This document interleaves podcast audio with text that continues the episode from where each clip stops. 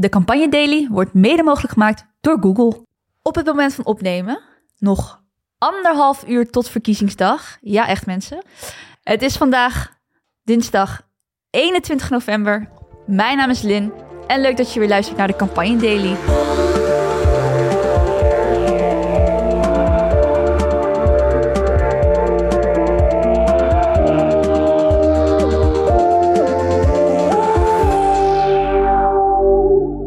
Vandaag wederom een bijzondere extra aflevering van de Campagne Daily. Want wat een avond, mensen. Wow. Hoeveel is het geworden? 5-0. Ja, minimaal. nog, toch? Ja, het is nog bezig. dus ik vind Hattrick. ja, Lekker hoor. leuk dat we de nabeschouwingen vast zijn begonnen. Het was Ja, een uh, wordt zo feestwedstrijd. geklaagd dat Nederland niks meer kan en dat we geen huizen meer kunnen bouwen. Maar we kunnen nog wel winnen van Gibraltar. Ja, wauw. Highlight. Highlight van het leven. Nee, maar we zitten hier natuurlijk eigenlijk om het NOS-slotdebat eh na te beschouwen. Het allerlaatste debat, het allerlaatste moment om de zevende kiezer binnen te hengelen. En vandaag doe ik dat eh, met Maarten van Heems, Pelle Koppen en Wouter Sloekers. Leuk. Goedenavond iedereen. Ik heb er Goedenavond. zin in. Een BKB All-Star team. Jij zegt het. Net iets minder dan de lijsttrekkers die er eh, allemaal langs kwamen, toch? Wij met z'n vieren zijn met z'n achttienen vanavond. Zo, ja, dat was wel echt eh, was een eh, volle line-up. Die trap eh, van boven naar beneden stond helemaal vol. Ja, 19 trouwens. We hebben ook nog de lijsttrekker van Lef langs Ja. zien komen. Oh mijn god. dat hij nog even langskwam. Ja, we zeiden het al tegen elkaar. Van, eh, nou, we zien hem zitten op de eerste rij. Die zal vast nog wel iets in petto hebben. En eh, ja, Ja, hoe hebben ze dat kunnen laten gebeuren? Nou ja, Lef staat gewoon op, eh, op het stembiljet morgen. Dus hij, ik denk dat hij daar op uitnodiging was. Precies. Maar ja, je kon er, Stemlijst 22 op 22 november. nou, ik word je toch weer even genoemd. Maar ja, je kon er vergif op innemen dat hij iets ging doen. En eh, dat deed hij ook. Nou, dat allemaal van de fameuze BKB Academie. Jij zegt het wederom, Lin. Jij zegt het. Nee, maar serieuze zaken. Wat, wat viel jullie op aan dit debat? Ja, ik heb eerst natuurlijk even het kleine de partijendebat eh, nog zitten kijken. Nu mogen die kleine partijen niet eh, onbenoemd laten. We hadden het vandaag in de podcast, de reguliere podcast, ook eh, wel of niet strategisch stemmen. Is zo'n kleine partij en je stem nou waard? Nou, we konden, het NOS had overigens een uitstekende explainer daarin met Marlene de Roy. Kijk dat zeker even terug. Die legde dat goed uit. Eh, en het was interessant om toch ook even een aantal lijsttrekkers in actie te zien die je misschien wat minder gedurende de campagne, zeker in zo'n debatsetting ziet. En wie waren dat? Nou, Edson Olf bijvoorbeeld van Bijeen, eh Wiebren van Haga van NBVNL, eh Thierry Baudet, die je toch ook weinig in eh debat hebt gezien, nog in ieder geval ik, eh, gelukkig zou ik haast willen zeggen. En ja, dat leverde ja, wel interessante debatjes op. Er werd veelvuldig campagne gevoerd. Christopher van de SGP had een Israël-speeltje op. Stefan van Balen van eh Denk had een Palestina-speeltje op. Dus er werden wel statements gemaakt over en weer. Ehm, ja, Thierry Baudet gooide nog even voor de voeten van Edson Olf dat een eh, partijlid eh, van hem op eh, Twitter had gezegd dat, eh, die, dat ze het wel oké vond eh, dat er fascisten werden geslagen. Ongemakkelijk moment waar Edson Olf ook niet zo goed uitkwam. Dus ja, er waren interessante eh, uitwisselingen heen en weer. Maar het was uiteindelijk een beetje grommende marge. eh, met toch nog van mijn kant dan een pluim voor eh Mirjam Bikker van de ChristenUnie. Ja. was de enige coalitiepartij die eh, in dit kleine eh partijendebat aanwezig was. Best een lastige positie, werd ook veelvuldig aangevallen. Maar ja, het bleef, bleef vier overeind wat mij betreft. En eh, zeker voor de achterban, eh, deze had uitstekend. Een opwarmer dus voor het grote debat. En wat viel je daarin op dan? Heel veel. Stoorde me ook heel veel. Om te beginnen die intro's. Oh, die duurde Ongelooflijk. lang.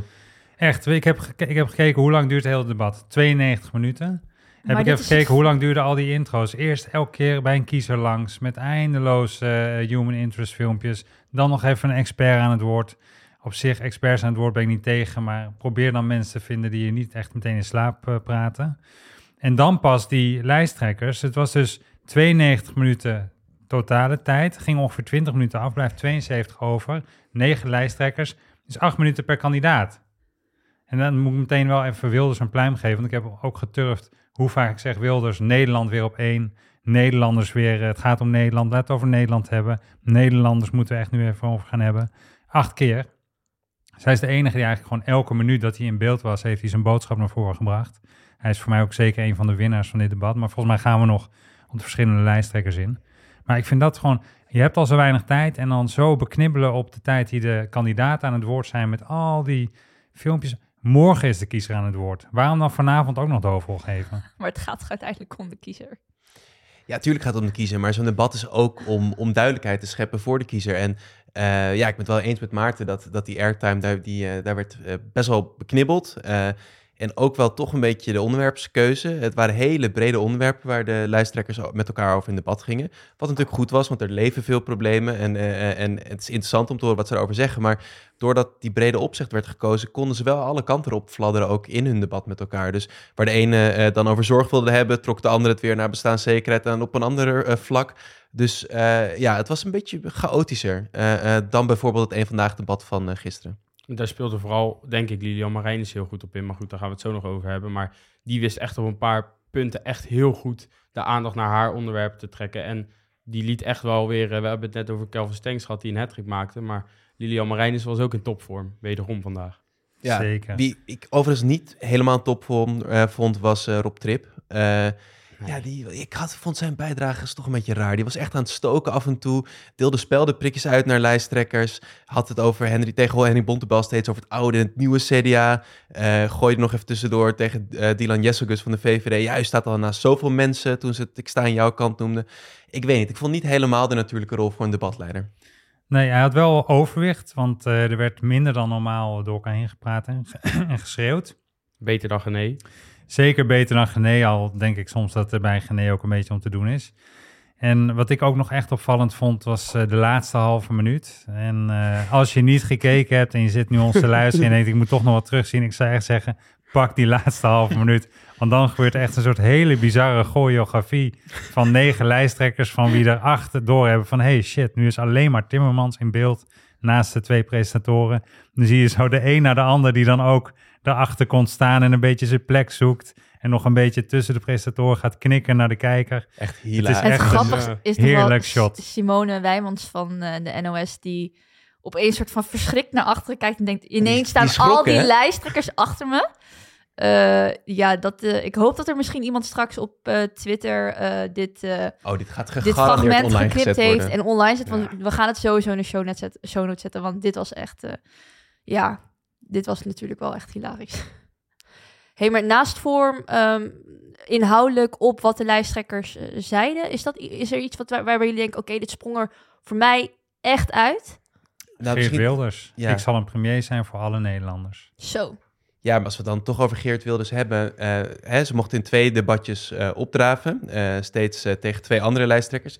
Het eerste debat inderdaad benadrukte hij echt zijn premierwaardigheid. Ik ben er voor alle Nederlanders en de soep gaat echt niet zo eh, heet gegeten worden. En toen eh, mocht hij daarna aanschuiven eh, in een debat over migratie was dat. En toen ging hij wel weer oldschool Geert Wilders vol op het orgel, grenzen dicht.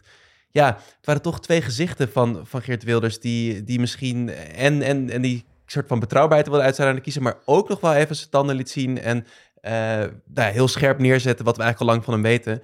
Dat hij voor een politiek is eh, eh, van het wij-zij eh, denken, waar hij echt, vond ik, mensen echt stigmatiseerde. Ehm, ja, dat is toch wel de politiek die je krijgt als, als Geert Wilders het grootste wordt. En dat, ja, ik denk dat hij toch ook belangrijk vond om dat op dit onderwerp zelf even te laten weten. Maar ja, ik hoop dat heel Nederland ook daar aandachtig naar heeft gekeken. Ik denk dat ze dat zeker gedaan hebben en dat Wilders zal calculeren. het thema is niet voor niks migratie. Voor het eerst is echt zijn thema het centrale thema. Ehm, en wat hij toch eh, wil uitstralen, ook nu iedereen zijn kant op beweegt en eh, iedereen ineens met streefgetallen komt, bijna iedereen. Want zijn tegenstrevers in dat debatje eh, gingen elkaar daar dan de maat op nemen. En hij zegt gewoon, ja, het moet terug naar nul. En eigenlijk, volgens mij iedereen die kijkt, die weet, het zal nooit helemaal teruggaan naar nul. De werkelijkheid is altijd weer barstiger.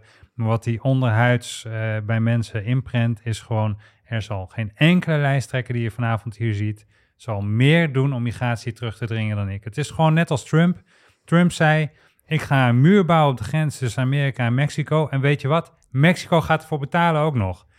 Geen enkele Amerikaan gelooft ooit dat Mexico gaat betalen voor die muur. Maar hij laat gewoon daarmee zien, er gaat gewoon niemand meer doen tegen migratie dan ik. En dat kunstje doet Wilders ook ja, maar daar was je toch zo cynisch van. Dat de angst voor de ander dan morgen blijkbaar zetels op zou leveren. Dat is, ja, dat is niet een land waar ik eh, overmorgen in wakker wil worden. Eh, Mee eens, maar ik vrees dat verkiezingen eh, wel gaan, campagnes gaan over ja, hoop en vrees. En, en deze verkiezing zeker veel meer over vrees. Overigens ook aan de linkerzijde. De eerste vrije ehm, opmerking die Timmermans kon maken nog nog niet uitgedaagd. Hij kreeg het woord van Rob Trip als eerste. eh, begon over de grote klimaatcrisis die op ons afkomt. En eh, nou, ik denk dat hij daar gelijk in heeft dat hij op ons afkomt. Maar ook dat was natuurlijk ook inspelen op, op angst. En we moeten, we moeten ons daartegen verweren. Ik ben wel benieuwd of Timmermans uiteindelijk eh, als sterkste uit dat klimaatpunt gaat komen. Want ik vond Rob Jetten, vond ik daar echt heel sterk. En die heeft ook misschien op eh, kerncentrales voor een groot deel van Nederland nu realistischere punten, standpunten. Dus ik, ik denk dat Timmermans daar echt wel misschien een steekje verloren heeft in die klimaatcrisis. Zijn jullie het maar eens? Nou ja, ik vond dat Timmermans ehm, degelijk was vandaag. Eh, inhoudelijk goed een aantal punten naar voren gebracht. Eh, maar niet het vuur misschien waar, waar ik persoonlijk of, of de linkse kiezer op hoopte. Eh, ik vond hem eh, bijvoorbeeld, eerder genoemde een vandaag debat, eh, ja, toch vuriger en sterker overkomen. En ik ben het wel eens met Wouter dat ik vond, zeker in, in dat debat, klimaatdebatje met, met Jette, die hem echt toch wel best wel hard aanviel. Op van, nou ja, meneer Timmermans, ik heb afgelopen jaar in het kabinet gezeten en allemaal dingen gedaan. En ik vond u niet aan mijn zijde. En nou ja, dat was echt een aanval. En Timmermans, waar je zou denken, oké, daar kan je met vuur op reageren en je eigen plannen op eh, eh, replieken daarmee geven. Maar hij koos toch een beetje voor de ik knuffel hem dood tactiek. En hij ging echt omarmen en ik zie u als mijn bondgenoot. Wat ik allemaal snap en eh, na 22 november helemaal logisch. Maar dan moet je ook toch wel even doorpakken en laten zien waarom de klimaatkiezer toch wel voor jou moet kiezen. En dat miste ik wel bij hem vandaag. Formatie eh, begint na de verkiezingen. Maar ik vond wel overigens in, het laatste, in de laatste ronde waar eh, Timmermans tegenover uh, Jesselgus en om zich stond over het thema vertrouwen in de overheid slash bestuurscultuur. Daar zag je dat vuur ineens wel, toch? Ja, maar toen moest het ook wel, want uh, toen deed uh, Dylan Jezilgus echt wel een hele filijne truc om uh, alles eigenlijk waar de VVD voor verantwoordelijk is geweest de afgelopen 13 jaar, te zeggen, ja, ik persoonlijk was nog niet in Den Haag toen het meeste daarvan speelde en u was notabene vijf jaar minister. Ja, wordt meteen gecorrigeerd door Timmermans, het was twee jaar, maar goed. Ze probeert tot drie keer toe eigenlijk alle VVD-crisis, om het zo maar even te noemen, aan Timmermans persoonlijk te laten plakken die daar uh, meteen de eerste keer al zegt, ik, ga daar, ik leg daar graag verantwoording over af. En vervolgens zegt ze gewoon keihard in zijn gezicht terug, tot twee keer toe nog, u wil nooit verantwoording afleggen. En hij steeds meer, nou, ik zei net, ik wil ver verantwoording afleggen. Ja, toen kon hij ook niet anders meer dan zich fel verdedigen. Maar ik was echt een beetje verbaasd. Hij moet nog, uh, deze avond, moest hij nog uh, die laatste paar zetels naar zich toe trekken. En er is echt een keiharde en, en echt een aanval onder de gordel in mijn ogen voor nodig. Uh, van de VVD om, uh, om hem echt in die vechtstand te krijgen op het laatste moment. Ja, maar hij kwam uit die interactie, denk ik, uiteindelijk toch wel als de winnaar uit de bus. Uh, het was echt een wedstrijdje verplassen en kijken wie, wie wat laat kleven. Maar ik vond Timmermans daar uiteindelijk wel dat vuur, inderdaad, zoals je benoemt, Lin, uh, vinden. En, en echt even neerzetten van ja, het is gewoon afbraakbeleid wat we van de VVD hebben gehad de afgelopen 13 jaar. En ik vind dit, dit en dit. En daar moeten jullie een keertje verantwoording voor afleggen. Dus dat was ja, in ieder geval waar ik wel op hoopte. Ja, het was eigenlijk voor het eerst. We zitten dus nu anderhalf uur voor verkiezingsdag. Dat ik echt dacht van oké, hier krijgt de VVD het echt even moeilijk met de oude bestuurscultuur. En ook omzicht, die echt helemaal futloos, energieloos was die wist daar ook nog eventjes wel zijn punt, zijn stempel te drukken op dat onderwerp en nog wel eventjes de VVD het lastig te maken, denk ik. Want als we inzoomen uh, op Jesselkus, denken jullie dan, nou, die is vanavond echt door het uh, ijs gezakt? Ik nou, vond ik haar inhoudelijk... Uh... Ik, ik denk, ik heb gewoon het idee dat de VVD nooit door het ijs zakt. Maar eigenlijk zou ik zeggen, tenminste ook aan iedereen's reactie net aan tafel, wij waren allemaal zo van, wat zegt ze? Hoe kun je dit zeggen, zeg maar? Dus ik heb het idee dat wij niet de enige zijn geweest die hier naar hebben gekeken en dat dachten. Nee, ik, ik denk, denk, dat wij, ja, is, we zitten er natuurlijk een beetje gekleurd in aan, aan de tafel waar wij net zaten, maar ik denk dat er voor de gemiddelde VVD-kiezer uh, ze absoluut geen grote brok heeft gemaakt in dit debat. Nee, je ziet wel, het moet ook niet veel langer meer duren, deze uh, campagne, want je ziet wel dat het steeds meer begint af te brokkelen, maar ik denk, uh, ze is overeind gebleven. Als je een transcript zou lezen van deze uitzending, dan zou je bij de passages waar Dylan aan het woord is, zou je echt denken, wat zegt deze vrouw? Maar als je het gewoon ziet, ja, ze, weet je, ze is uh, staalhard, ze blijft er gewoon bij lachen. Ze kijkt ook elke keer zo dwars door Timmermans heen. Het is echt... Ja, dat doet ze hartstikke goed. Ja. Ik bedoel, ze- niet aan. Ze, Iedere kandidaat heeft zijn sterke en zwakke punten. En zij heeft echt dit als sterke punt. Dat Ja. ze haar schouders eigenlijk kan ophalen over eh, de inhoud. En dat echt met, met een soort, met lef, met brani eh, doet. Ja, want ze loopt er En de gewoon rest, omheen, hè? kan er, de rest kan er haar er alsnog niet echt op eh, Nee, pakken. en ook zelfs als, eh, als Rob Tripp het een paar keer direct aan haar vraagt van... oké, hoe gaat u dat dan fixen? Eh, ehm, eh, wat is dan de les die eruit haalt? Daar hop, hop, hop, danst omheen. En inderdaad, dan kom je in een soort van lange woordenbrei terecht... die misschien niet zoveel zegt, maar die er wel goed uitziet op tv. En eh, nou, ze, eh, ze zag er denk ik qua outfit ook heel goed uit. Helemaal in het wit gestoken. Dat was natuurlijk ook een toch wel een iets duidelijkere toespeling op, eh, op, de, op haar vrouw zijn. Hè, het wit is een verwijzing naar de suff- suffragettes. Een beweging in het begin van de 20e eeuw streed voor het vrouwenstemrecht. Met name in het Verenigd Koninkrijk en de Verenigde Staten. En ja, ze spelen die vrouwenkaart niet. Maar dit was wel een hele duidelijke hint van het campagneteam van de VVD. Van hey, daar staat potentieel de volgende Ja. vrouwelijke premier. En ik denk ook wel dat eh, mensen dat eh, in haar kandidaatschap aantrekkelijk blijven vinden. En eh, dat dat best voor mensen wel een overweging kan zijn om morgen haar naam aan te kruisen in het stemhokje. Teflon Dylan. Eh, we hadden het net al een beetje over afbraakbeleid en afbreken. En ik keek naar Pieter Omtzigt van NSC en ik dacht, oeh, die heeft het zwaar. Ik had gewoon echt elke keer als hij aan het woord kwam... wat op een gegeven moment heel mooi dat Marijnissen echt bam, bam, bam... die somde een paar dingen op. Toen gingen we naar omzicht. En het was echt alsof, alsof er iemand gewoon in één keer keihard aan de handrem trok... in het hele debat. Het, was, het viel stil, het was traag. Eh, eh, er werd al bij ons druk geappt... want het is alsof dat hij een, een gedicht aan het voorlezen is. Het, het was zo traag en langzaam. Het was Maar het echt- werd wel op een gegeven moment een beetje stekelig eh, tijdens ronde 2. Toen Ja, Omtzigt hij koos- eh, tegenover Bontebal en eh Marijnissen. Hij koos duidelijk een andere toon in het debat en een andere snelheid. Dat hoeft niet per se iets verkeerd te zijn, want hij viel daardoor wel op. Maar hij koppelde dat inderdaad wel een beetje aan een soort van uitgeblustheid. Eh, het, die le- nog het leek niet uit wilde dat Nee. hij het tempo Nee. eruit haalde. Nee, maar jij verwijst denk ik naar het eh, debatje inderdaad eh, dat hij met Henry Bontebal had. Ja, dat was echt uiterst opmerkelijk. Dat is natuurlijk je- nou ja, een, een pijnlijke geschiedenis. Want wat veel- gebeurde daar? Hij, ja, veel oud zeer zit er. Hij, het ging eh, ehm, over de vorige regeerperiode en eh, over het feit hoe daar was omgegaan met toeslagenschandaal.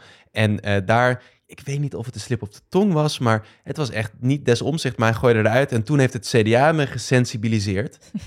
ja, dat was natuurlijk echt een directe aanval op Henry Bontebal die naast hem stond. Ja, ik vond het best wel een raar moment, want ehm, het ging over een groot thema in Nederland. Hoe is omgaan met de toeslagenouders? En eh, hij heeft denk ik wel het recht verworven om dat eh, stevig neer te zetten. Maar hij gebruikte het moment op een bepaalde manier ook om toch weer eh, een soort van medelijden eh, met zichzelf te vragen voor hoe er met hem was omgegaan. Ik kan me dat ook nog wel voorstellen, omdat dat eh, bij Vlagen ook schofterig is geweest.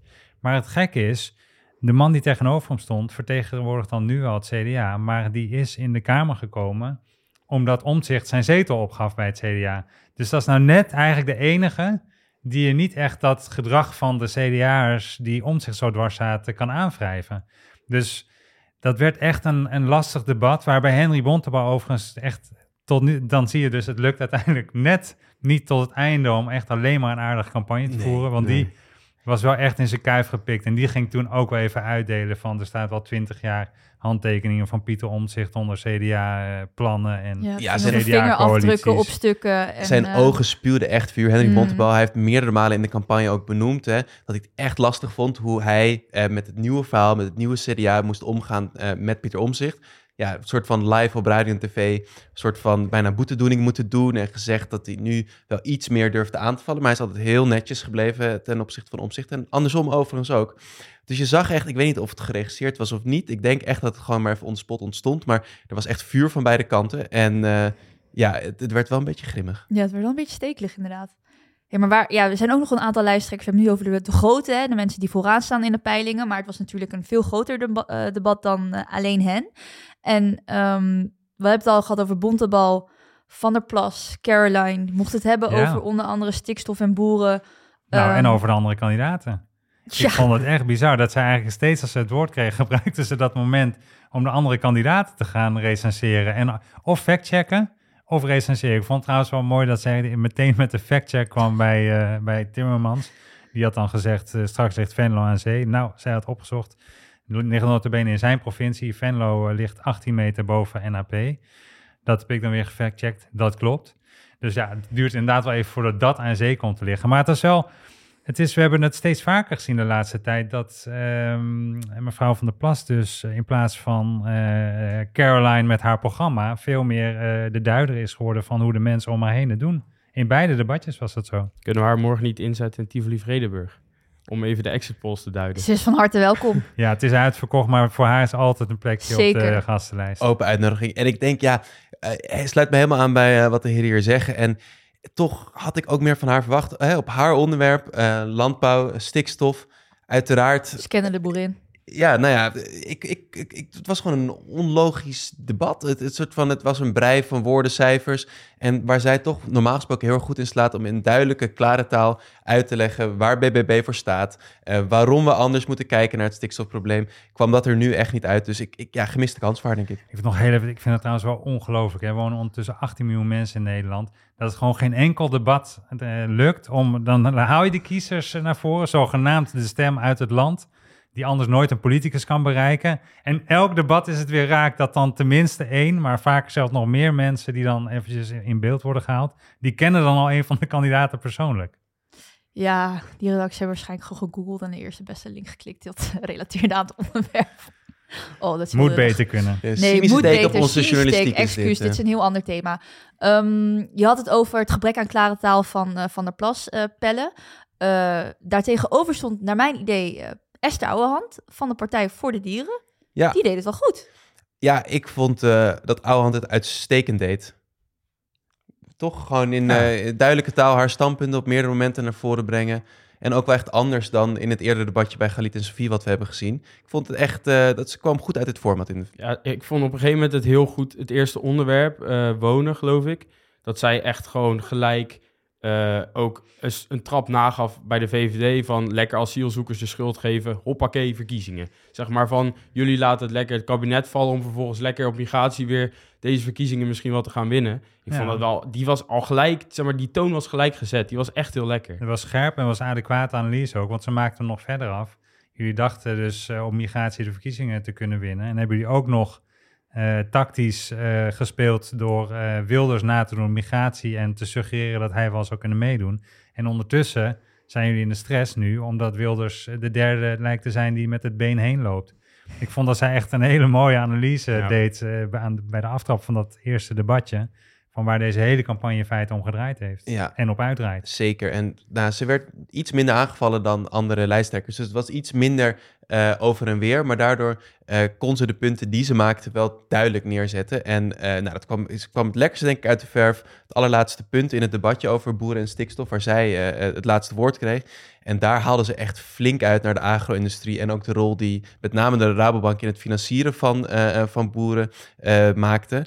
Eh, ja, dat is gewoon precies wat de achterban op dit moment wil horen. Dat is precies waarom je op de Partij voor de Dieren zou stemmen. Die staan echt voor een radicaal ander eh, landbouwbeleid. Dus eh, Ja. ik denk dat zij tevreden terugkijkt. Precies dat is dat ze voor ze echt zo'n radicaal ander beleid staan. Dat is eigenlijk haar, het gevaar, grootste gevaar voor de Partij voor de Dieren en de grootste kans. En ze is eigenlijk de laatste weken is heel vaak is het een gevaar gebleken dat anderen eigenlijk gewoon niet op haar in hoefden te gaan in, de, in een debatje of dat ze moeilijk tegen een andere kandidaat in kon gaan.